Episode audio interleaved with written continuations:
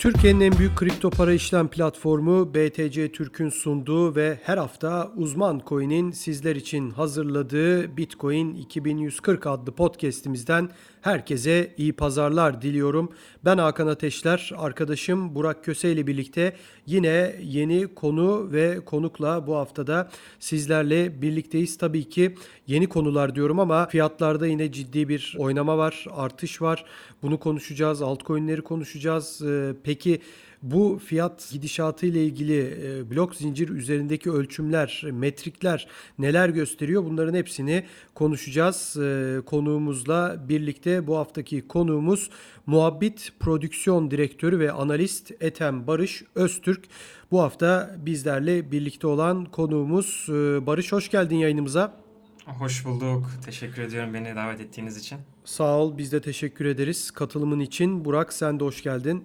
Sağ ol Hakan, sen de hoş geldin. Teşekkürler. Ee, hemen istiyorsan Burak seninle başlayalım. Sen soruyla başla istiyorsan Barış'a soracağın soruyla. Tabii önemli de fiyatta bir artış yaşandı cumartesi itibariyle. Ee, gidişatı konuşacağız birçok konuyu. Yani fiyattan da girebilirsin ama çünkü e, Barış'ın gerçekten analizini yaptı. Özellikle Twitter'da da et Spectura nickname ile de takip edebileceğiniz bir e, isim Barış ve gerçekten e, özellikle fiyat odaklı da blok zincir üzerindeki metriklerin, rakamların neler gösterdiğini, fiyatın gidişat yönü açısından neler gösterdiğini bize detaylı şekilde e, ve açıklayıcı şekilde güzel flotlarla açıklayabilen bir isim Barış Öztürk. E, istiyorsan e, sen sorularla başla hemen devam ederiz Evet ben, ben hemen zaten fiyatla başlayacaktım Hakan. Tabii. E, bugün aslında güzel bir hafta sonuna uyandık. Dün 58 bin dolarla yatıp sabah fiyatın açıkçası 61 bin dolar olduğunu görünce bir gülümsedim.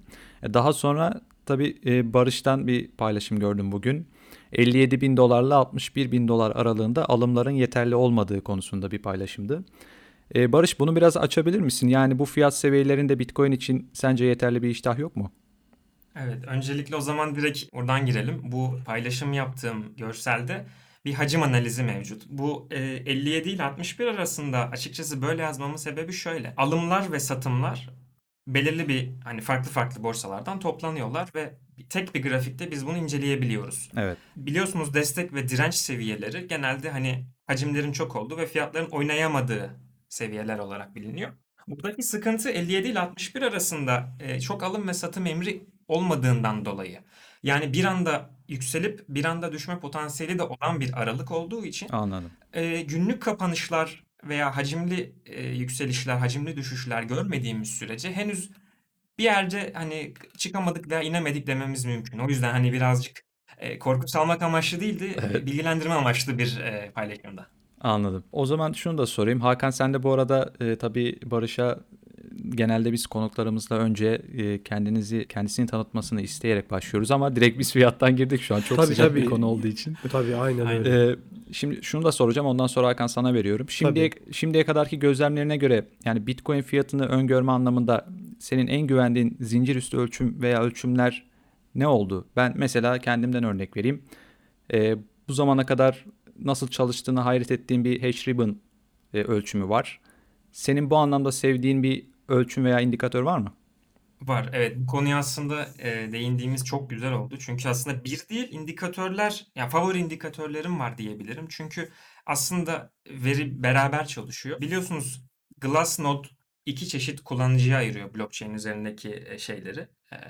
Coin cüzdan sahiplerini. Evet. Uzun süreli tutan kişiler ve kısa süreli tutan kişiler. Long term holder ve short term holder olarak. Bunların yani bu farklı kategorideki insanların cüzdandaki coin hareketlerini veya hareketsizliklerini takip etmek aslında yani benim en favori şeylerimden birisi çünkü çok güzel bir veri veriyor. Bununla birlikte bu kişilerin coinleri ne zaman aldığı ve o cüzdanla girdiğindeki fiyatla güncel fiyatın yani kardalar mı zarardalar mı e, farklarına baktığımızda yani resmen bize bir fiyat anlamında birebir doğrudan söylemese de hani piyasanın gidişatı olarak beklentiyi çok güzel ölçen bir veri veriyor yani kısa ve uzun dönem tutan kişiler. Bunun haricinde ise yani beraber bakmamız gereken bir tane metrik daha var. Bu aslında tek bir direkt on-chain üzerinden değil de biliyorsunuz 50 binden sonra piyasanın yükselişi bugüne kadar 20-30, 30-40-50 arasında kurumsal yatırımcıların gerçekten biz buradayız deyip de para basmasıyla oldu. Ama bu son yükseliş büyük oranda stable coinlerden geliyor. O yüzden stable coinlerin iki farklı metriğini de takip etmek lazım. Bunların basılması ve bu basılanların borsalara girmesi. Bu favori indikatör setim benim yani her gün bir göz ucuyla takip ettiğim e, şeylerden oluşuyor. Hakan? Ee, Evet şimdi e, zaten soracaktık yani zincir üstü metrikler e, bunları kontrol etmek e, yani değerlendirmek biraz biraz değil bayağı bir teknik bilgi de istiyor aslında. Biraz istiyorsan kendinden bahset. Yani mesela herkes e, burada belki sen de biliyorsundur ama e, hani grafik okumak, çıkacak mı inecek mi, direnç, destek seviyeleri bunları daha çok bunları takip edip fiyat odaklı herkes e, gitmeye çalışıyor. Hani çıkacak mı inecek mi ona göre trade yapalım. Ayı piyasası, boğa piyasası insanların bilgisine göre değişiyor. Sen biraz daha işin daha da teknik kısmındasın aslında. Ama teknik olmakla birlikte bayağı da e, aslında önemli kısımlarını anlatıyorsun insanlara. Ben yani senin Twitter hesabına baktığımda gerçekten e, insanlara baya baya hani bir, bir bilgi veriyorsun mesela. Ondan sonra o verdiğin bilgi tabii teknik bir bilgi ve hemen ardından peki bu ne diye merak ediyorsanız diye bir de float yazıyorsun onunla ilgili. Aslında çok güzel bir şey. Yani hani hem balık tutmayı öğretiyorsun hem balığı da veriyorsun. İşte balıklar bu suda olur ama bu su niye böyledir falan filan bayağı ve basit şekilde yazıyorsun. Yani e, gerçekten e, teknik çok da bilmeyen insanların ilgi çekeceği bir bilgi paylaşımı yapıyorsun diye düşünüyorum. Şunu sormak istiyorum. Yani böyle bir girizgah yaptım ama kendini bu anlamda nasıl geliştirdin? Yani Bitcoin'le nasıl tanıştın vesaire zaten bunları daha sonra konuşuruz ama bu teknik konularda zincir üstü veriler konu e, konusunda kendini nasıl geliştirdin? Meraklı mıydın geçmişte de? E, biraz hani bu anlamda kendinden bahsedersen sevinirim. Aslında bu sorunun çok güzel sordunuz. Bu sorunun cevabını aslında zaten benim Bitcoin'le nasıl tanışmama da bağlamam gerekirse şöyle oldu. 2017 yılında, 2017'nin başında ben e, eskiden Forex deneyimim vardı bir 6 ay kadar. Yılın ortasına doğru ben Mayıs ayı gibi madencilikle tanıştım. Ben kendim yani IT eskiden eski mesleğim IT danışmanlığı olduğu için hani hard donanımla içli dışlıyım. E, 2017'nin Mayıs ayında madencilikle tanışınca aslında benim coin piyasasına girişim oradan oldu. Yani aslında bu analiz kısmı çok sonradan gelen bir şey. Onu da şöyle bağlayayım. Forex tarafından grafik okuma hani birazcık analiz yapma bilgim var. Fakat madencilikle beraber gelen bu otomasyon yani şimdi bir, bir madencilik yaparken e, riginiz birden fazlaysa hepsini bir anda kontrol etmek gibi bir otomasyona giriyorsunuz. Bunu ben acaba nasıl e, analize veya işte teknik analizi otomasyona dönüştürebilirimden başladı. Ve kendim bu konuda çok tecrübeli değilim. Kod kısmım çok başarılı bir insan olmadığım için ben bunu başaramadım. Baktım teknik analiz bana göre değil. Ben birazcık mikrodan makroya acaba nasıl geçerime baktım ve hani e, bu kadar gün içerisinde trade açıp kapatmak veya işte birkaç günlüğüne piyasayı takip edebilmek benim için çok zor ve yorucu olduğu için e, daha yukarıdan hani buna nasıl yön veren, bunun arkasındaki fiyat hareketlerinin arkasındaki şeyler ne? Buna neler yön veriyorsuna yönelmeye çalıştım. Benim hani e, çok severim aslında hobimdir. Birazcık kendim kendime öğrettim diyebilirim. Matematik veya e, geometriyle aram iyiydi. Fakat bunun böyle bir şeye dönüşeceğini hiç tahmin edemezdim. Biraz sevdiğim için peşinden koştum. Baktım hani büyük planda e, gidişatı daha güzel görebiliyorum. Oradan on-chain analizine geçtim. Çünkü bu geleneksel piyasalarda olmayan bir şey. Bu çok yeni bir alan yani. O yüzden hani bu konuda ilgimi çekince devam etmeye karar verdim ve ben başladığımda ben daha önceden başladım ama paylaşımlarım geç başladı tabii o da ayrı bir konu ama şunu gördüm. Gerçekten Türkçe kaynak eksikliği var. Hani ben sürekli makaleler bu yabancı kaynaklardan ama hani bunu ben anlıyorum ama kimse bunu Türkçe olarak paylaşmıyor. Madem böyle bir imkan var insanların da hani faydalanacağını düşünerek paylaşım yapmaya karar vererek başladım. Yo bence gerçekten hani e, bilgi veren ve basit şekilde e, gerçekten bilgi veren anlatımlar oluyor. Bu yüzden bence ciddi anlamda katkı verici bir e, Twitter profili diyeyim. Tabii hani biz de biraz daha şu anda çok yeni bir e, piyasadayız. Yani 2017 evet çoğumuzun başlangıç dönemi ama şu andaki kalabalıklar da aslında onların da büyük bölümü şu anda girdiler. Belki 4 sene sonra onlar da biz de 2020'de 21'de o Bitcoin'in yükselişiyle piyasaya girmiştik diyecekler. Şimdi o insanların çoğu aslında e, senin bu e, matematik, geometri veya işte e, istatistik verileriyle ilgili verdiğim bilgileri çoğu aslında merak etmiyor. Herkesin şu anda fiyat. Yani bir şey yazıyorsun oraya mesela altına gelen yorum şu. Yani çıkacak mı düşecek mi? Şu anda yani hani Türkçe Maalesef. e, tabii yani Türkçe kaynak yok diyorsun ama yani gerçekten Türkçe kaynak arayan da senin gibi benim gibi insanlar dışında çok fazla o da yok. O, o piyasanın da ben yani piyasa demeyeyim ama bu e, durumun da e, zamanla gelişeceğini düşünüyorum. E, insanlar belki YouTube'da 2-3 tane video izleyerek ilk önce bir Bitcoin'in ne olduğunu anlamaya başlayacaklardır. Ondan sonra yani bu bir anda tabii hap gibi e, insanlar çünkü öyle istiyor ama bunun olmadığını bence yaşayarak öğrenecekler ve yavaş yavaş bunu bilmiyorum yani kabullenecekler diye düşünüyorum. Sen biraz önce şunu dedin yani 2000 e, 21'deki yani şu andaki durum biraz kurumsal yatırımcıların ittirmesiyle oldu dedin.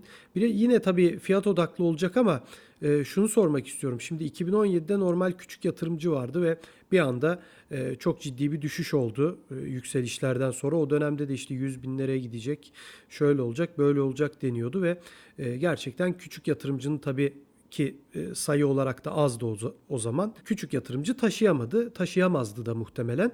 E, aşağı gitti fiyat. Ama şimdi çok farklı. Yani e, işte halving oldu, dünyadaki gelişmeler, paranın, kağıt paranın gittikçe değersizleşmesi derken kurumsal firmalar da bu işe girdiler. Ben şunu sormak istiyorum. Küçük yatırımcıyı sen şu anki boğa koşusunun neresinde görüyorsun? Tabii bunu o Twitter'da paylaştığın, senin incelediğin verilerle de desteklersen sevinirim. Yani e, sadece fiyat odaklı değil ama yani küçük yatırımcı şu an neresinde bu işin? Çok geldiler mi? Yoksa hala gelmediler mi? Kurumsallar mı hala taşıyor? Tabii benim yani sorabileceğim bilgi dağarcığım sana fiyatla orantılı olur. Sen bunu açarsan sevinirim. Yani şu anda 60 bindeyiz. Mesela 60 bine getiren e, %50 kurumsallarsa %50 küçük yatırımcı mı dersin? %80'e %20 mi dersin? Nedir yani buradaki fikrin? Biraz uzun oldu Evet, soru ama e, şey evet, yapmam ben- ya. İçini altını doldurmam gerekti açıkçası. Ee, bu konuya şöyle biraz geriden girelim. Bu 2020'de başlayan Tabii. e, piyasanın yani yükselişin bu boğa piyasasının neden başladığına girelim. Çünkü e, dediğiniz gibi 2017'de bireysel yatırımcı çok daha fazlaydı. Bu sene bu döngüde kurumsal yatırımcı fazla ve dominans yani kurumsal yatırımcıların yatırımının büyüklüğü de fazla. Bunun sebebi aslında birazcık biliyorsunuz pandemiden dolayı çeşitli ülkelerdeki merkez bankalarının para basıp da halkına yardım etmesi adı altında yüksek miktarda likidite sağlanmasıyla oldu piyasaya. Şimdi bu bir etki. Aynı zamanda bunu gören yani bunu Türkçe'ye çevirmek akıllı para desem herhalde doğru olur. Büyük yatırımcılar o yüzden hani fiyat paradan kaçmaya çalışıyorlar. Bu bir teşvik aslında onlar için. Hal böyle olunca şimdi 2017'deki bireysel yatırımcı ile 2020'deki kurumsal yatırımcının profili birbirinden farklı. Şimdi bu, bu seferki kurumsal yatırımcının profili çok daha derin analiz yapabilecek analistlere sahip, çok daha büyük paraya sahip. Yani yatırım ki zaten görüyoruz. Yatırım yaptıkları zaman fiyatı oynatabilecek çok büyük oyuncular var artık. O yüzden ben çok büyük oranda bu e, boğanın şeyden geldiğini düşünüyorum. Kurumsal yatırımcılardan geldiğini düşünüyorum. Bu yüzden onların takibini yapmak çok daha önemli olacaktır bu e, şeyde. E, 2020-2021 döngüsünde. Evet, e, şunu sorayım hemen bir parantez soru daha sonra Burak'a bırakayım sözü. Mesela hani kurumsallar taşıyor diyorsun ama kurumsallar da sonuçta kar etmek için bunu yapıyorlar. Yani kar etmekten kasıt da sadece hemen işte Bitcoin aldım bir ay sonra, bir yıl sonra satıp elindeki dolar miktarını arttırmaktan bahsetmiyorum. Yani elindeki varlığın değerini koruması ve bu değerin daha da yükselmesini istiyorlar. Belki de adam hiç satmayacak bu saatten sonra Bitcoin'ini onu bilemiyorum. Veya dolarda bir yükseliş olursa, bu para basmalar biterse çok öyle gözükmüyor ama sonra da dolara dönebilirler. Yani etti sonuçta kar etmesi önemli. E bu karı sağlayacak olan ne? Benim şahsi fikrim e, kalabalıkların gelmesi. Bitcoin'e. Yani kalabalıklar gelmedikten sonra sadece kurumsallarla yani nasıl bireysel yatırımcı ile küçük yatırımcı ile bu iş tek başına gitmeyecekse çok büyük kitleler gelmediği sürece sadece kurumsallarla da gitmez gibi geliyor. Bu burada fikrin nedir acaba? Evet, bunun geleceği hakkında ya bir noktada şey olacağız. Sizin de dediğiniz gibi bir kısır döngüye gireceğiz. Hani bir noktadan sonra bunu kim alacak? Evet. Bunu bu soruya cevap verebilmek şu anda gerçekten Yani çok zor kurumsallara da fakat bir destek gerekiyor. O Tabii, destek de ki. halklar yani o kalabalıklar hani o kalabalık almadıktan sonra şirketler aldı aldı aldı şişti. E tamam yani adam kimse bakmazsa yüzüne Bitcoin'i niye alacak yani onu sormak istiyorum. buradaki e, halkların gücü maalesef bireysellerden değil yine aynı şekilde merkez bankalarından gelecek. Bu ya halkların gelecek borcu tabii ki. E, eğer ki bu durum devam ettiği sürece bir sıkıntı yok. Durursa veya geriye dönerse o zaman işte az önce sorduğumuz ya bunu kim alacak sorusuna tekrar sormamız gerekiyor. Orada bir boşluğa düşeceğiz. Acaba fiyata ne olacak? Fakat bu durumda yani bu öyle bir senaryoda şöyle bir güzel bir avantajımız var. Henüz biliyorsunuz Bitcoin'de ya Bitcoin özelinde konuşmak zorunda da değiliz de kripto paralar için adaptasyon veya kitlesel kabul görme açısından nispeten başlardayız diyebiliriz. O yüzden hani kat Tabii. edilecek gerçekten çok fazla yol var. O yüzden şu- en azından şu aşamada 2021 yılında henüz bu derdimiz değil bence bunu düşünmek için tabii. erken. Tabii tabii doğru. Yani kurumsallara girince ben o açıdan düşündüm ama şunu diyorsun o zaman aslında bir nevi sorumu da cevaplamış oldun. Eğer erken diyorsan kurumsallar bunları uzun vadeli almış demektir. Tabii ki. Değil Buradan mi? da şuna bağlayabiliriz. Aslında geçen e, e, bu hafta mıydı? Geçen hafta mıydı? 1 trilyon barajını geçtik. Şimdi bu Evet. aslında bir teknik bir seviye değil. Bu kesinlikle psikolojik bir seviye. Yani e, haberlerde şunu duysanız şaşırmazsınız. E, ya işte Bitcoin'in piyasa hacmi 980 milyar doları geçti. Bu sizi şaşırtmaz ama 1 trilyonu geçti dediğiniz zaman orada hani bir psikolojiye dokunuyor insanın. Tabii. Aa bu bu kadar büyümüş mü ya diye kendi kendine soruyor insanlar. Bir de şunu açıdan da düşünmek lazım. Kripto paralar açısından belki 1 trilyon büyük bir rakam ama 1 trilyon doları diğer geleneksel finans piyasalarıyla karşılaştırdığımızda bir işte türev piyasası olsun, emtia piyasası olsun hala çok küçük bir seviyedeyiz. O yüzden hani önünün gerçekten çok açık olduğunu ben düşünüyorum. Evet Burak sana geçelim. Ee, ben şunu soracağım. Şimdi Bitcoin borsalarından son aylarda ciddi çıkışlar var. Her geçen gün işte borsalardaki Bitcoin miktarı yeni dip seviyelere geriliyor. E, son böyle birkaç günlük rakamları kontrol etmedim ama yani bunun öncesinde böyleydi. Ya bir kesim bunun Bitcoin fiyatı için olumlu olduğunu söylüyor. Bazıları da işte borsalardan çıkan Bitcoin teminat gibi işte farklı amaçlarla kullanılıyor. O yüzden yani fiyatın fiyat için çok bir işaret olarak değerlendirilmeyebilir bunu savunuyorlar. Diğer yandan yine borsalardaki Bitcoin miktarı eridiği için bir arz krizi öngörüsü de var. Zaten hani 21 milyon olacak. Bunun 5-6 milyonu kayıp. E, borsalarda işte e, ki miktarda 3-4 milyon. E, bu daha da düşüyor. Bunun sonucunda bir arz krizi oluşacak ve fiyat ne diyelim işte tırnak içinde patlayacak.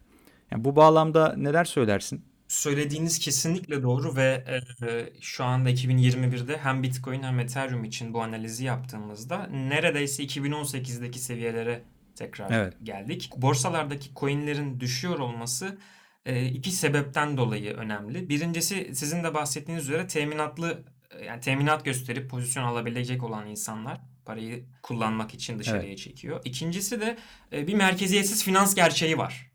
Şimdi e, o tarafı da işin bu tarafını da konuşmamız lazım. E, merkezi borsalardan çıkıp sistemin dışına çıkmayıp Hı hı. merkeziyetsiz borsalar üzerinde işlem gören bir hacim de var. Bundan ayrı olarak bir aslında bahsetmedik. Üçüncüsü de şöyle. Kurums Amerika'da özelinde konuşacağız bunu ama e, Amerika'da kurumsal yatırımcı bugün gidip de Coinbase'den yap- yapabiliyor alımlarını ve Coinbase onlar adına bir e, saklama hizmeti veriyor. Onlar alım yaptığında Coinbase'den coin çıkışı gerçekleşiyor ki zaten on-chain verisinde yani zincir üstü biz e, coin hareketlerini takip ederken bu en önemli baktığımız verilerden birisi. O yüzden açıkçası bir arz krizine doğru gidiyoruz sizin de dediğiniz gibi. Fakat e, henüz yine yolu yarıladık anca diyebilirim. Yani bu birazcık da şeye bağlayalım buradan konuyu. Boğa piyasasının neresindeyiz bağlayalım. Evet onu da Çünkü- soracaktım zaten. Evet, Tamam. çok güzel bir geçiş noktası olacak bizim için. Burada on-chain yani zincir üstü verileri e, biliyorsunuz karda olan coinler ne kadar karda veya zararda veya hareket etmeyen coinler işte uzun vadeli tutan insanlar ne kadardır tutuyorlar gibi metrikleri karşı yani kombine ettiğimizde yani 2017'nin 2018'in boğasıyla karşılaştırırsak şu anda 2020-2021 ben yarısındayız gibi anlıyorum. En azından böyle yorumlayabiliriz. O yüzden hem az önceki konuştuğumuz sebepten dolayı kurumsalların hem de bu on, zincir üstü verilerden ben e, yarılarındayız gibi yorumlayabilirim. Anladım. Hakan? Şimdi e, tabii çok ciddi bir talep var ve aslında geçen hafta da bunu konuşmuştuk ama ben sana da sormak istiyorum. Ee, biraz daha hani teknik konunun dışında olacak ama 2017'de hep şunu söylerdik. Hani artık sokağa indiyse Bitcoin, Ethereum, kripto para gibi sözler bakkala, kasaba, işte süpermarkete gittiğimizde veya e, hiç bu konularla ilgilenmeyen arkadaşlarınız sizlere sorduğu zaman o zaman piyasadan çıkış zamanı gelmiştir denirdi. O, o zamanın şartları için doğruydu. Şimdi o dönem olan olayların neredeyse 10 katı yaşanıyor. Yani bu tür işlerle hiçbir alakası olmayan insanlar e, bakıyorum işte Burak'la geçen e, işte ortak bir WhatsApp grubumuz vardı. Orada bir arkadaşımız mesela öyle bir paylaşmış çok alakasız bir kripto parayı isim vermeyeyim şimdi. Hani bu adamın mesela hiçbir alakası yoktu kripto paralarla. Şimdi e, o kripto paranın e, işte kısaltmasını yazıp roket koymuş yanına. Yani inanılmaz böyle de bir halkın ilgisi var. Tabii burada hani Bitcoin'i de çok bilmedikleri, tanımadıkları için diyorlar ki bu 60 bin dolar olmuş, 50 bin dolar olmuş bundan alacağım ama işte e, Daha ucuz olandan alayım. daha ucuz 0.001 dolar olandan alırım.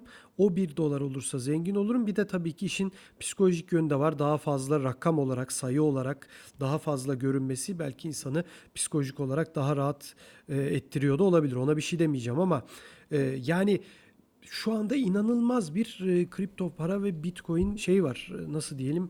Hype'ı mı deniyor İngilizce? Yani Evet. e, Türkçesi gelmedi ya o var. Heyecan, heyecanlı, çok Heyecan- heyecanlı insanlar. Çok heyecanlı insanlar. Ee, Herkes onu konuşuyor. İşte misafirlikler, telefonlar, WhatsApp grupları alakası olan olmayan herkes bundan bahsediyor. E şimdi Hakan sözünü kestim. Beni Tabii. bunun için köyden aramışlardı. Seninle paylaşmıştım. Onun Doğru. dışında e, işte benim 60 yaşındaki eniştemin Bitcoin'i şu an takip ettiğini, işte fiyat hareketlerini falan izlediğini öğrendim geçen mesela. Hiç de Evet. ilgilenmezdi yani bu işlerle. Tabii yani e, böyle bir abartılı bir durum var. Mesela 2017'de böyle değildi. 2017'de e, hani haberlere tabii ilk de o zaman e, haberlere çıktı. Sokakta birkaç arkadaş falan filan. Zaten sonra fiyat düştü. Kısa sürede altcoin'lerde biraz yükselip onlar da düşünce insanlar unuttu gitti. Hatta kumar falan dediler ama şu anda on, o günlerin neredeyse 10 katını yaşıyoruz söylediğim gibi. Kısaca sorayım uzatmadan piyasadan çıkma ya bu da bir on chain veri değil ama Bu, bu, da bir- off-chain verisi. ha off chain ve böyle bir hani people's chain yani halkın zincirinin verisi Halkın gibi yani. beklentisi, He. e, sentiment analiz aslında Tabii, bu da tabii. bir analiz metodu. Şimdi bu, bu- konuda Bu analizi buyurun. sen nasıl görüyorsun? Çıkma vaktimiz mi geldi o zaman bizim? Ya ben çok öyle alsatçı da değilim ama belki yapmak isteyenler vardır. Ya bu insanların piyasadan çıkma vakti geldi mi o zaman şimdi? Ki pek de öyle gözükmüyor senin anlattığın, yazdığın zincir üstü veriler pek de öyle göstermiyor. Ama bir de böyle bir dışarıdaki veri var. Sen neler söylemek istersin? Evet bu konuda az önceki yaptığınız sizin ikinizin de hatta analizine kesinlikle katılıyorum. Ee, hatta dediğiniz gibi 2017'de bu durum bu kadar büyük değildi. Yine vardı. Çok ufak bir örnek vereceğim. Ee, ben dediğim gibi madencilikle başladım bu e, yani kripto macerama. 2017'de ben başladıktan işte bir 6 ay kadar sonra sene sonuna doğru Bitcoin ve Ethereum zirve yaptığında sürekli etrafımda ilgilendiğini bildiğim ilgilendiğimi bilen kişiler bana ben nasıl madenciliğe başlarım, ne alayım, ne yapayım diye soranlar oluyordu. Şimdi 4 sene ileriye sardığımızda bu sene yine daha doğrusu geçen senenin sonunda aynı soruları sürekli duymaya başladım. Ben madencilik yapacağım, ne alayım, nereden başlayayım? Bunu bir kenara bıraktığımda şimdi dediğiniz gibi son özellikle 2 ayda alakası olmayan insanlar e, şu coin'i alayım mı? Buradan ne yapalım? İşte ya Bitcoin dediğiniz gibi Bitcoin'in çok yükselmiş biz 0.001 olanı alalım. Bu ya maalesef e, 2017'de olduğu gibi 2020'de de tepe indikatörü olarak görev almalıydı ama bence almıyor. Neden? Çünkü eğer öyle olsaydı biz iki ay önce çıkmalıydık. Ama iki Tabii, aydır doğru. piyasadayız. Doğru. Şu şu e, az önce bahsettiğimiz konu bence bunu bu sene dengeledi. E, borsa çıkışlarından bahsettik az önce. Ve gerçekten e, programın başında bahsettiğimiz o akıllı para şu anda bence merkezi borsaların dışında dönüyor zaten. Özellikle merkeziyetsiz finansın yükselişiyle beraber geçen senenin yaz, yazında biliyorsunuz DeFi Summer yani merkeziyetsiz borsaların bir yaz ayının yükselişini Tabii, yaşadık. tabii ki. O yüzden bu beklenti beklenti 2021 yılında çok tutmadı, tutmayacak gibi de duruyor. Fakat tehlikesini de sürdürmüyor demeyeyim. Çünkü gerçekten hani Burak'ın da dediği gibi köyden dedesi arayıp da Bitcoin'i takip ediyorum demesi çok hiç beklenmeyen bir şeydir yani. Ama dediğim gibi bence hani e, çoğu insan 2017-2018'de de öyle oldu. Maalesef canı yanmadan öğrenmeyecek. Çünkü e, bu durumun Türkiye'ye özel bir tarafı da var. E, bizim ekonomimizin 2020-2021 yılında pandemiden ötürü 2017-2018'e göre çok daha derin yaralar alması insanları bu yöne itiyor maalesef. Tabii. O yüzden e, hani e, yani birazcık da hak vermiyor değilim insanlara. Tabii ki. bilgisiz hareket etmek çok ayrı bir durum. Ona yorum bile yapmaya gerek yok. Yo işin tabii ki hak verme kısmına ben de sonuna kadar katılıyorum ama yani nasıl diyeyim aslında benzer şey de olacak gibi sonuçta. Ha, kaçta olur onu bilemem ama nasıl 20 bine çıktığında o dönem herkes 50 bin 100 bin diyordu ise bugün de işte yine 100 bin 250 bin deniyor. Bence bir yerde bir düşüş gelecek. Ee, Bir yerde şişmesi lazım. Çünkü bu kadar insanlar özellikle altcoin'e o kadar çok altcoin'lere giriyorlar ki ve nasıl olsa bitcoin arttı daha da artacak. Altcoin'ler de daha fazla artacak diye ve zengin olma hayali olunca e, daha da fazla buraya parayı hiç korkmadan koyabiliyorlar. Yani bir yerde birilerinin canı yanacak diyorsun. O can yanması için o fiyatın e, ciddi bir şekilde aşağı kırılması da gerekiyor. Yani bir yerlere çıkıp oradan kırılacak o zaman herhalde değil mi o fiyat? Tabii, Yani en azından beklenti bu yönde. Bizim geçmiş Evet. e, verileri incelediğimizde her döngüde aynı şeyi tekrar etmiş. Tabii. Piyasanın hani psikolojisinin bir döngüsü vardır bilirsiniz. İşte önce bir e, az önce bahsettik hype kısmı olur. Sonra yükselir. Ah ben zengin oldum e, havası gelir. Ondan sonra bir Tabii. düşüş yaşar. Tabii. Yok ya geri yükselecek buradan derler. Sonra olduğu gibi düşer. Bu standart prosedür insan psikolojisi aslında piyasadan da bağımsız.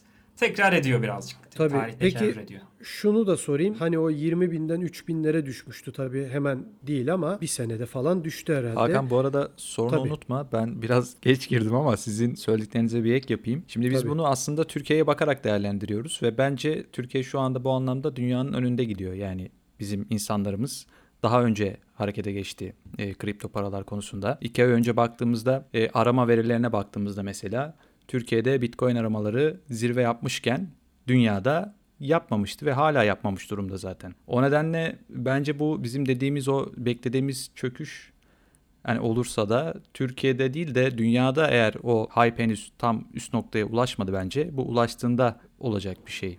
Yani, Yani pek- Türkler pek- karını almış olur mu diyorsun o zamana kadar? umarım öyle olur ama şimdiye kadar Türkiye hep dünyanın daha önünde hareket etti bu konuda bence.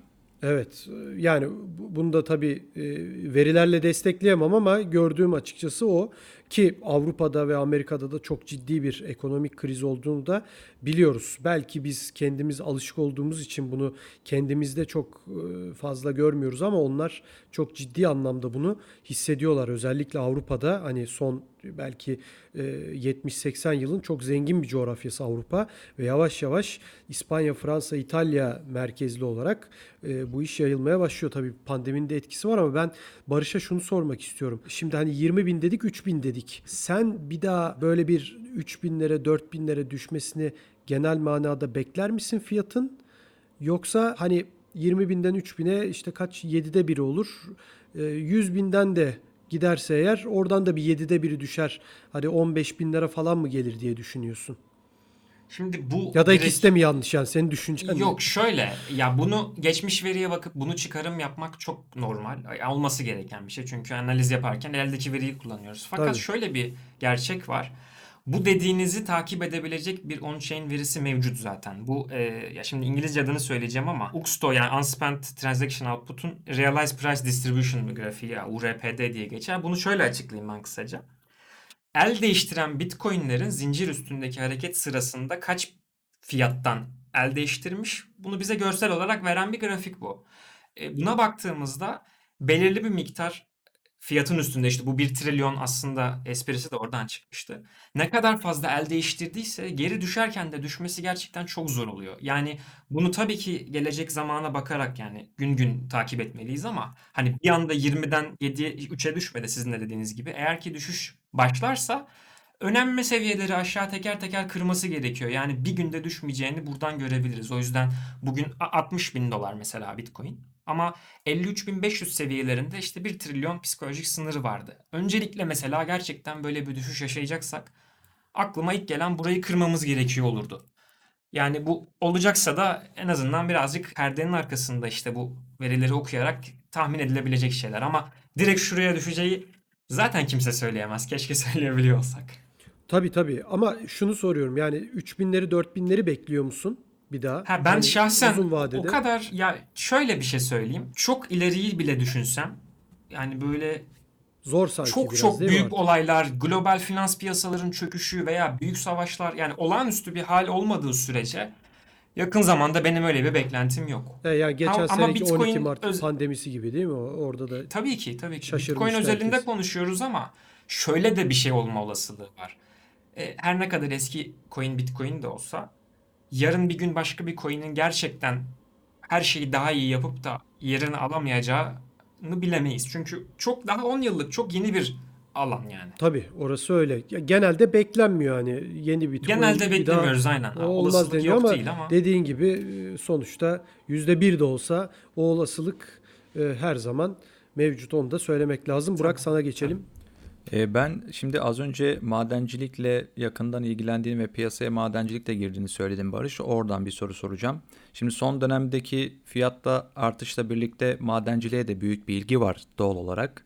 Madenciler işte teknomarketlerde rafları boşaltıyor. Bir yandan oyuncular madencilere isyan ediyor. Ya şu anda e, madencilikte karlılık ne durumda? Bize de çok soru geliyor madencilik konusunda. İşte yapılır mı? Şu anda işte madenciliğe yatırım yaparsak kar eder miyiz gibi. Ben bu bölümde muhatabına yönlendireyim. Sence şu anda madenciliğe adım atmak mantıklı bir hareket mi olur? Tabii ki o konuda şöyle bir bilgi verebilirim ben. Aralık ve Ocak aylarında yanlış hatırlamıyorsam Şubat'ın da ilk yarısına kadar Ethereum özelinde konuşalım sonra diğer tarafa da Tabii. değineceğim. Madencilik gelirleri gerçekten çok yüksek seviyedeydi. Ve biliyorsunuz blok ödülü artı transferden gelen komisyon olarak iki farklı şey alınıyor. Madenci geliri Evet. var. Ana, ana gelir kalemleri. Bir de DeFi'nin de yüksel yani merkeziyetsiz borsaların da yükselmesiyle bu gelir daha da arttı. Şimdi hal böyle olunca insanların bu tarafa koşması çok normal.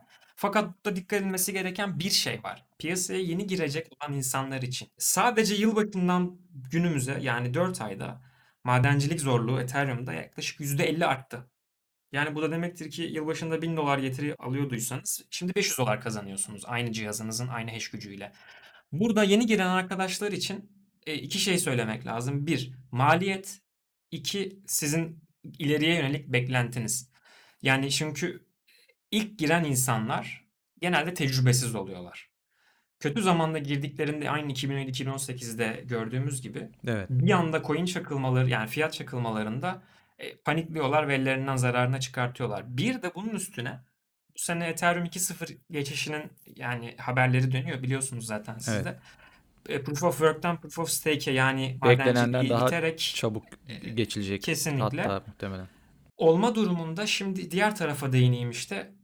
Diğer altcoin'leri bugün madencilik yapmak eskiye göre çok daha kolay ama bilmeyen birçok insan var. Bana e, soran arkadaşlar sayesinde ben de farkına varıyorum. Gerçekten Aa, Ethereum bitince madencilik bitti sanacak insanlar gerçekten çoğunlukta olduğu için yani yine bir e, panik panik olacak insanlar. Yani bu yüzden hazır yakın gelecekte böyle bir durum varken ben fiyatlar da yüksekken az önce dediğiniz gibi herkes ekran kartı bulmaya çalışıyor.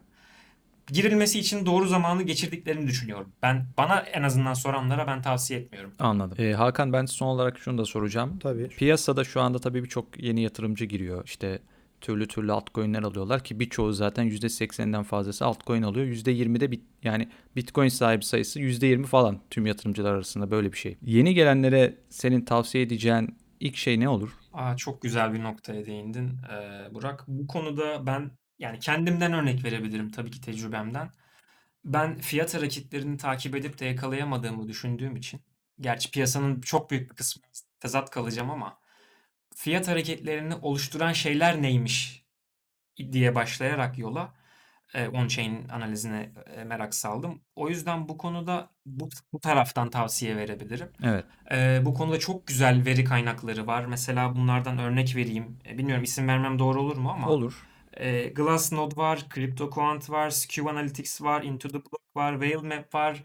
Tonlarca veri alabileceğimiz, öğrenebileceğimiz ve bunların aynı zamanda akademileri var. Ne, hangi veri nasıl hesaplanmış, kim bunu niye hesaplamış gibi şeylerini yazdığı. E, buraları okuyarak ve aynı zamanda bu saydığım e, yerlerin ücretsiz makaleleri de var, haftalık analizleri var. Bunları okuyarak e, başlamalarını, hani fiyat hareketleri tabii ki şu günümüzde çok oynak, o yüzden insanların ilgisini çekiyor ama birazcık bir, nedenmiş bunlar diye de öğrenmelerini çok isterim. Yani buradan başlamalarını öneririm. Peki yine ben biraz önce hani 3000'e düşer mi demiştim. Tersini sorayım. Yüksek değerleri bekliyor musun? Yani şu olur, şu noktaya ulaşır demene gerek yok ama mesela piyasa değeri toplamda işte 10 trilyon dolar olur mu sence? Yani bir sene, iki sene, beş sene yani e, beklentin ne yani ciddi biraz önce Anladım, söyledin anladım. hani daha çok başlardayız yükseliş bekliyorum Evet. dedin ama hani bi- bir sorunun içinde iki soru sormuş olayım. Yani bu sene içinde böyle bir e, 250 bin 300 bin gibi gerçekten 500 diyen de var. Abartılı denebilecek birçoklarına göre tahminler yapılıyor. Bu sene böyle bir yükseklik bekliyor musun? Uzun vadede de yani 2-3 sene 5 sene gibi de yani 10 trilyonluk bir piyasa değeri bekliyor musun? Bu soruyu ikiye bölerek inceleyelim. E, Çünkü şöyle bir şey var. Büyük yatırım firmalarının analistleri az önce konuştuğum yani bu programın ortalarına doğru konuştuğumuzda bizden çok daha yüksek kapasitede veriye ve inceleme imkanına sahip ve onların genelde çoğunun piyasa beklentisi yani zaten e, beklenti ölçülürken biliyorsunuz bir kişiyle değil çok fazla analistin beklentisini alarak ortalama yaparak ölçülür. Çoğunun ama beklentisi sizin de dediğiniz gibi piyasanın yükseliş aynı şekilde ben de buna katılıyorum olacağı yönünde. Onun dışında yani spesifik olarak rakam vermek tabii ki çok zor. Ben de yükseleceğini düşünüyorum. Bunun dışında e, yine bahsettik 1 trilyon diğer geleneksel finans piyasalarıyla karşılaştığımızda çok düşük olduğu için yine üst tarafı bilememekle beraber yani 2 3 5 bunun da aynı şekilde yükselmemesini imkansız olduğunu düşünüyorum. İlla ki bir noktada global e, e, finans piyasalarının şu anki gidişatı böyle devam ettiği sürece para illaki içeriye akacaktır diye düşünüyorum. Evet, burada bir psikolojik eşik de herhalde var değil mi? Ne bileyim yani sadece Bitcoin için de değil.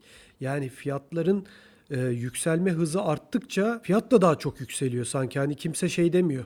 Ya bu da çok yükseldi artık hani bir bekleyelim duralım diyen yok sanki. Hani Şu e, anda evet. bu boğa piyasasında olduğumuz için işte o fear of missing out yani kaçırmamak istiyor insanlar. Onun etkisiyle beraber bir çığ, çığ gibi gelen sürekli geliyor. Gelen yeni gelen yeni arkadaşını getiriyor. Sürekli içeriye para sokuyor. Tabii. O etkinin bitişini takip etmek en en güzel e, indikatör olacak bizim için. Tabii yani şimdi şöyle de bir şey var. Hani biz belki 2017'lerden belki Burak biraz daha erken hani e, takip ettiğimiz için ve o acıyı çektiğimiz için e, hani korkabiliyoruz. O korku şeyimizi aldık. Dozajımızı aldık. O aşımızı %5 olduk. yükselince satıyorsun Hakan. Çok Tabii, temkinli yani yaklaşıyor. Tabii tabii. Yani o var bizde ama benim işte yakın arkadaşlarım hani böyle bana artık o samimiyeti olan telefon edip söyle de bir şey alalım falan diyen insanlar var ve kıramıyorsun da Ee, bir şey söylediğimden değil ama hani e, korkarak söylüyorum. E onlar bakıyorum bazen iki katı üç katı kazanmışlar. Ee, hepsinin yatırdığı paralar değişiyor. Adam diyor ki sen ne biçim bu piyasanın içindesin ne bi- ne biliyorsun sen diyor yani ben bak diyor iki günde girdim diyor. Şimdi burada bir cahil cesareti var onlarda ama öyle bir şey ki kazanıyor onlar açıkçası. Biz burada hani Burak'ın dediği gibi yüzde beş artıyor. Ya şimdi işte falan filan o analist bunu dedi, bu analist bunu dedi derken bilmiyorum yani ben de benim gibi insanların da siz biraz daha tekniksiniz ama tekniğin dışında kalan insanların ama bu piyasada tecrübesi olan insanların da kafası karıştı artık. Yani onu da E, ben bu söyleyeyim ben açıkçası. e, Hakan Bey Evet. çok kısa bir şey söylemek istiyorum. Tabii. Teknikten çok bağımsız psikolojik olan bir şey bu. Zaten sizin benim Burak'ın yaptığı gibi. E, 2017-18 gören insanlar olarak şimdi deliler gibi bir anda yükselip ondan sonra deliler gibi bir anda düşüşünü gördük. Tabii. Fakat yeni giren insanlar bunu tecrübe etmediler. Hiç İşte, sıfır. e, önceden konuştuğumuz gibi iki gün önce giren arkadaşınız size ya sen de hiçbir şey bilmiyorsun bak ben nasıl kazandım dediğinde Tabii tabii. kendi açısından haklı fakat iki gün sonra düşmeyeceğini bilemiyor ve tecrübe edinmediği için psikolojisi onu böyle yönlendiriyor. Sıkıntı da buradan kaynaklanıyor zaten. Tabii. Şimdi hemen o zaman şöyle bir soru da sorayım. Yani e, ben Forex piyasasındaydım dedin ama e, şunu da sorayım. Yani Bitcoin'le ilk tanışman nasıl oldu? Yani tanıştığın zaman tepkin ne oldu? Bu bir dolandırıcılık dedin mi? Ya da dijital para ne ya falan dedin mi? Ben onu demiştim mesela. Nerede ki bu tutulum tutulmayan bir şey nasıl satılıyor falan gibi bir düşünceye girmiştim ben. Yani böyle bu, Burak'la zaten aynı yerde çalışıyorduk o dönem. Gazetede çalışıyorduk. Hani boynunu sıkmadığım kalıyordu. Kardeşim hani vermiyorsan bana veremeyeceğim bir şey nasıl satıp alıyor insanlar falan diyordum ama senin tepkin ne oldu? Yani e, şaşırdın mı? Beklediğin bir şey miydi? Ne düşündün? Bu konuda açıkçası ya benim cevabım birazcık insanları belki kızdırabilir. Çünkü e, 2017'de ben madencilikle başlayınca bir süre kadar bir 6 ay 8 ay kadar madenci maksimalisti oldum. Çünkü şöyle ilk tanıştığımda o zaman tabii ki ben Ethereum madenciliğiyle başladım. Bitcoin madenciliği için ekipman bulmak çok zordu. Bir yurt dışından ezik getirmek o zaman. Bu, bu para kazanılacak bir araçtı benim için. Ve çok uzun bir süre öyle kaldı. Ben bunun arkasında yatan felsefeyi çok sonra anladım incelemeye, araştırmaya başladıkça öğrendim. Açıkçası benim tanışmam kesinlikle ya ben donanım bilgim var, madencilik yapabiliyorum, öğrendim. Ben bundan para kazanacağım. Benim ilk ilk bakış Hı hı. açım, ilk e, şeyim, fikrim. Tamam niye kızsın canım insanlar bir şey de düşünmemişsin yani o kadar kötü. Çok da Ya şimdi bir şey yok e, yani. Ondan sonra şey e, biliyorsunuz sürekli şeyler çıkar. E, Bitcoin'i eleştiren Proof of Work coin'ler e, çok fazla enerji tüketiyor, global kirlilik yapıyor gibi argümanlar var. O yüzden insanlar çok fazla karşı çıkıyor. Bugün bile Anladım. e, hala aynı şekilde hem Ethereum'a hem Bitcoin'e karşı karşı yani Proof of Work'e karşı olan insanlardan dolayı bir Ama yani öyle bir olumsuz bir düşüncen olmadı yani herhalde değil mi? Bu, Yok, bu ne ya? Bu hani dolandırıcılık mı nedir, ne değildir? Şöyle Pir- piramit her mi? her sektörde olduğu gibi e, para kaybedecek olan insanlar burada da kaybedecekti. İşi bilmeyenler için. Bugün mesela Tabii. sokaktan geçen herhangi birine sorduğunuzda vadeli ve işlemler ve opsiyon piyasalarındaki bilgi oranı çok düşük çıkacaktır. Ama aslında yüksek miktarda para orada kazanılıyor. İşte senedini aldım sattığımda çok düşük bir hacim var. Bunun aynısının e, kripto paralar olan kısmına da e, yani yorumladığımızda bence zaten bugün asıl para altcoin'lerde kazanılıyor. Ama Tabii, global kripto piyasasını Bitcoin sürüklüyor. Yani bu bilgiyle birazcık korele bir şey. Yani ben şunu da sormak istiyorum. Biliyorum hep fiyat odaklı soruyorum ama yani yine fiyata gelecek bir soru aslında. Yani devletlerin bakış açısını nasıl düşünüyorsun? Devletler sence alıyor mudur? Alacak mıdır? Yani şu anda da alıyor diyenler de çok var. İddia edenler var ama gizliyorlar diyenler var. Hayır almıyorlar. Zaten nerede saklayacaklar? Öyle bir kişinin elindeki bir cüzdanla mı saklayacaklar gibi hani şeyler var, iddialar O var. Yani gelecek adına kısa- ne düşünüyorsun? kısa bilgiler verebilirim. Ee, Tabii. Bu arada bir kişinin elindeki cüzdan olmak zorunda değil. Çoklu imza cüzdanları var. Ee, yani nasıl bir kasayı açmak için iki anahtarı birden sokup Doğru, çeviriyorsunuz gibi doğru. düşünebilirsiniz. Şöyle geçmişte kara para aklandığı veya işte kriminal aktiviteden dolayı el konulan bitcoinlerin hükümetler tarafından açık arttırmayla satılma haberleri de okuduk. Fakat hükümetler alenen yatırım yapıyor. Çok çok yeni bir konsept. Ee, yani hani eğer ki benim de çok araştırmamın olan bir e, konu değil, araştırma yaptığım bir konu değil. Varsa bile çok henüz yeni başlardayız gibi düşünüyorum. Ama yapmayacaklarını da düşünmüyorum. O arada onu da söyleyeyim. Ben hani ka- kayıtsız kalamayacaklarını düşünüyorum. Hmm. O yüzden hani buna bağlı olarak çok daha büyük paranın ekosisteme girebileceği potansiyeli var burada da dediğiniz gibi. Tabii tabii. Yani zaten eğer devletler böyle bir resmi açıklama falan yaparlarsa e, herhalde inanılmaz bir e, artık FOMO mu dersiniz, başka bir şey mi dersiniz ya inan, inanılmaz bir şey başlar o zaman ama, ama, şunu da eklememiz gerekiyor. Ee, bu işin iki, iki farklı devletler tarafından dezavantajı da var. Ee, çok daha uzatmadan özetleyeyim bir geçeyim hemen. Bir e, kendi parasından ötürü vergi sıkıntısı. tabii. İki kontrol olmadığı için gerçekten hani bir merkez bankasının kendi parasını yönetebilmesi artık mümkün olmayacak. Ya kendini resmen feshetmiş oluyor. Yani feshetmese bile yani kendi güçsüzlüğünü kabul etmiş olur. Bir devlet E İşte Bitcoin bu noktada alıyorsa. birazcık tam olarak devletler de bilmiyor. En son bundan bir hafta kadar önce İngiltere bir açıklama yaptı kripto paraların hani mevzuatı hakkında bayağı geniş bir kapsamlı makale yayınladılar. Hı hı. Muhtemelen bir ülke yolu açacak ve diğer ülkeler örnek alarak devam edecek ama henüz bunun için bile gerçekten hem zor hem de başlarındayız. Yani e, burada bir de şöyle de bir şey var. Geçtiğimiz günlerde hatta dün pardon e, biz uzman coin'de de bir haber yaptık. Yani Amerikan e, bu istihbarat birimlerinin ayrı ayrı birimler vardır. Amerika'da hani hep filmlerde de görürüz ya. Onların bir de birliği var ve o birlikten yapılan bir değerlendirmeye göre hani gelecek yıllarda tamamen bir karmaşa bekleniyor. Tamamen bir hani düzensizlik düzeni diyeyim bekleniyor. Zaten bu söylenir de hep. Yani işte soğuk savaştan dolayı iki kutuplu dünya Amerika Rusya'ydı. E şimdi neredeyse üç kutuplu oldu. Çin geldi. Deniyor ki artık bu e, Türkiye'nin de dahil olduğu gelişmekte olan ülkeler de dördüncü kutup olacaklar. Ve hatta belki beşinci kutup da gelecek. Yani böyle bir beş kutuplu dünya olacak. E burada da aslında merkezileşmeden gittikçe uzaklaşacak herkes. Yani tam bir nasıl diyeyim bir karmaşa düzeni olacak gibi e, bir yorum yapılıyor. Yani karmaşa dediğim her taraf karmaşa halinde olmayacak ama öyle ABD'nin dediği olacak, Çin'in dediği olacak. Yani dengelerin de dengesi olacak artık gibi. O, o yüzden sanki biraz bu anlamda Bitcoin'in önü de açık gibi geliyor bana. Yani devletler de engelleyemeyecek. Çünkü engellemek istemeyen devletler olacak diyeyim. Anlatabildim ben bu mi? konuda Derdim. ben, ben çok iyi anladım. E, Bu, bu konuda ben size katılmıyorum. Çok ufak bir nüans Öyle mi? vereceğim. Yo benim fikrim değil yani bu çok söyleniyor. Özellikle Amerika tarafından yapılan değerlendirmelerde bu çok söylenir. Yani sadece para politikası ekonomi olarak değil politik anlamda da çok kutuplu dünya geliyor ve hani e, böyle bir karmaşık yılların bizi beklediği anlamında değerlendirmeler yapılıyor. Benim çok da bir fikrim yok açıkçası bu konuda öyle söyleyeyim. Çok kısa Bitcoin özelinde bir şey değil. Tabii. Aslında Amerika dediğiniz şey yapmaya çalışıyor çünkü bunun olabilecek potansiyelini gördü.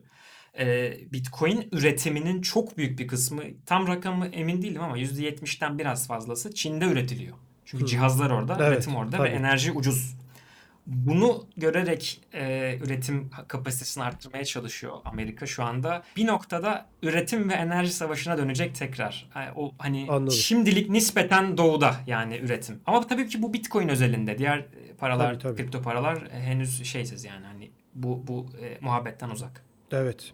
Barış çok teşekkür ediyoruz değerlendirmelerin için. ederim. Gerçekten çok güzel bir sohbet oldu. Burak senin de ağzına sağlık. Senin de aynı şekilde Hakan. Teşekkür ediyoruz. Gerçekten e, işin teknik yanını bilen, teknik yanıyla ilgili gerçekten çok güzel analizler yapan bir arkadaşımızla birlikteydik bu hafta ki Twitter hesabınızda ben mutlaka takip etmenizi öneriyorum. E, fiyat odaklıysanız da bence takip edin. Yani e, geleceğe dair kısa ve uzun vadeli çok güzel analizler var. Hani e, şimdiden söyleyeyim direkt olarak Bitcoin çıkacak, düşecek yazmıyor. yani bu sabah biri de tepki göstermiş galiba sana değil mi? Sen kimi korkutuyorsun? oldu. Direkt ama güzel demişsin yani takipten çık demişsin. Yani e, dür- dürüst olmak her zaman daha iyidir bu anlamda. Yani bu burada onu söyleyelim ama e, biraz öğrenmek istiyorsanız bu işi nedir ne değildir e, öğrenmek istiyorsanız mutlaka ben en azından takip etmenizi de öneririm. Et Spektura e, adresinden Twitter'dan takip edebilirsiniz. E, Bu haftaki konuğumuz Muhabbit Prodüksiyon Direktörü ve Analist Ethem Barış Öztürk'tü. Kendisine tekrardan teşekkür ediyoruz. Programımıza katıldığı için diyelim artık sonlandıralım e, podcast'imizi. Türkiye'nin en büyük kripto para işlem platformu BTC Türk'ün sunduğu ve uzman coin'in her hafta sizler için hazırladığı Bitcoin 2140 adlı podcast'imizin bu haftada sonuna geldik. Herkese iyi haftalar. Gelecek pazar görüşmek dileğiyle.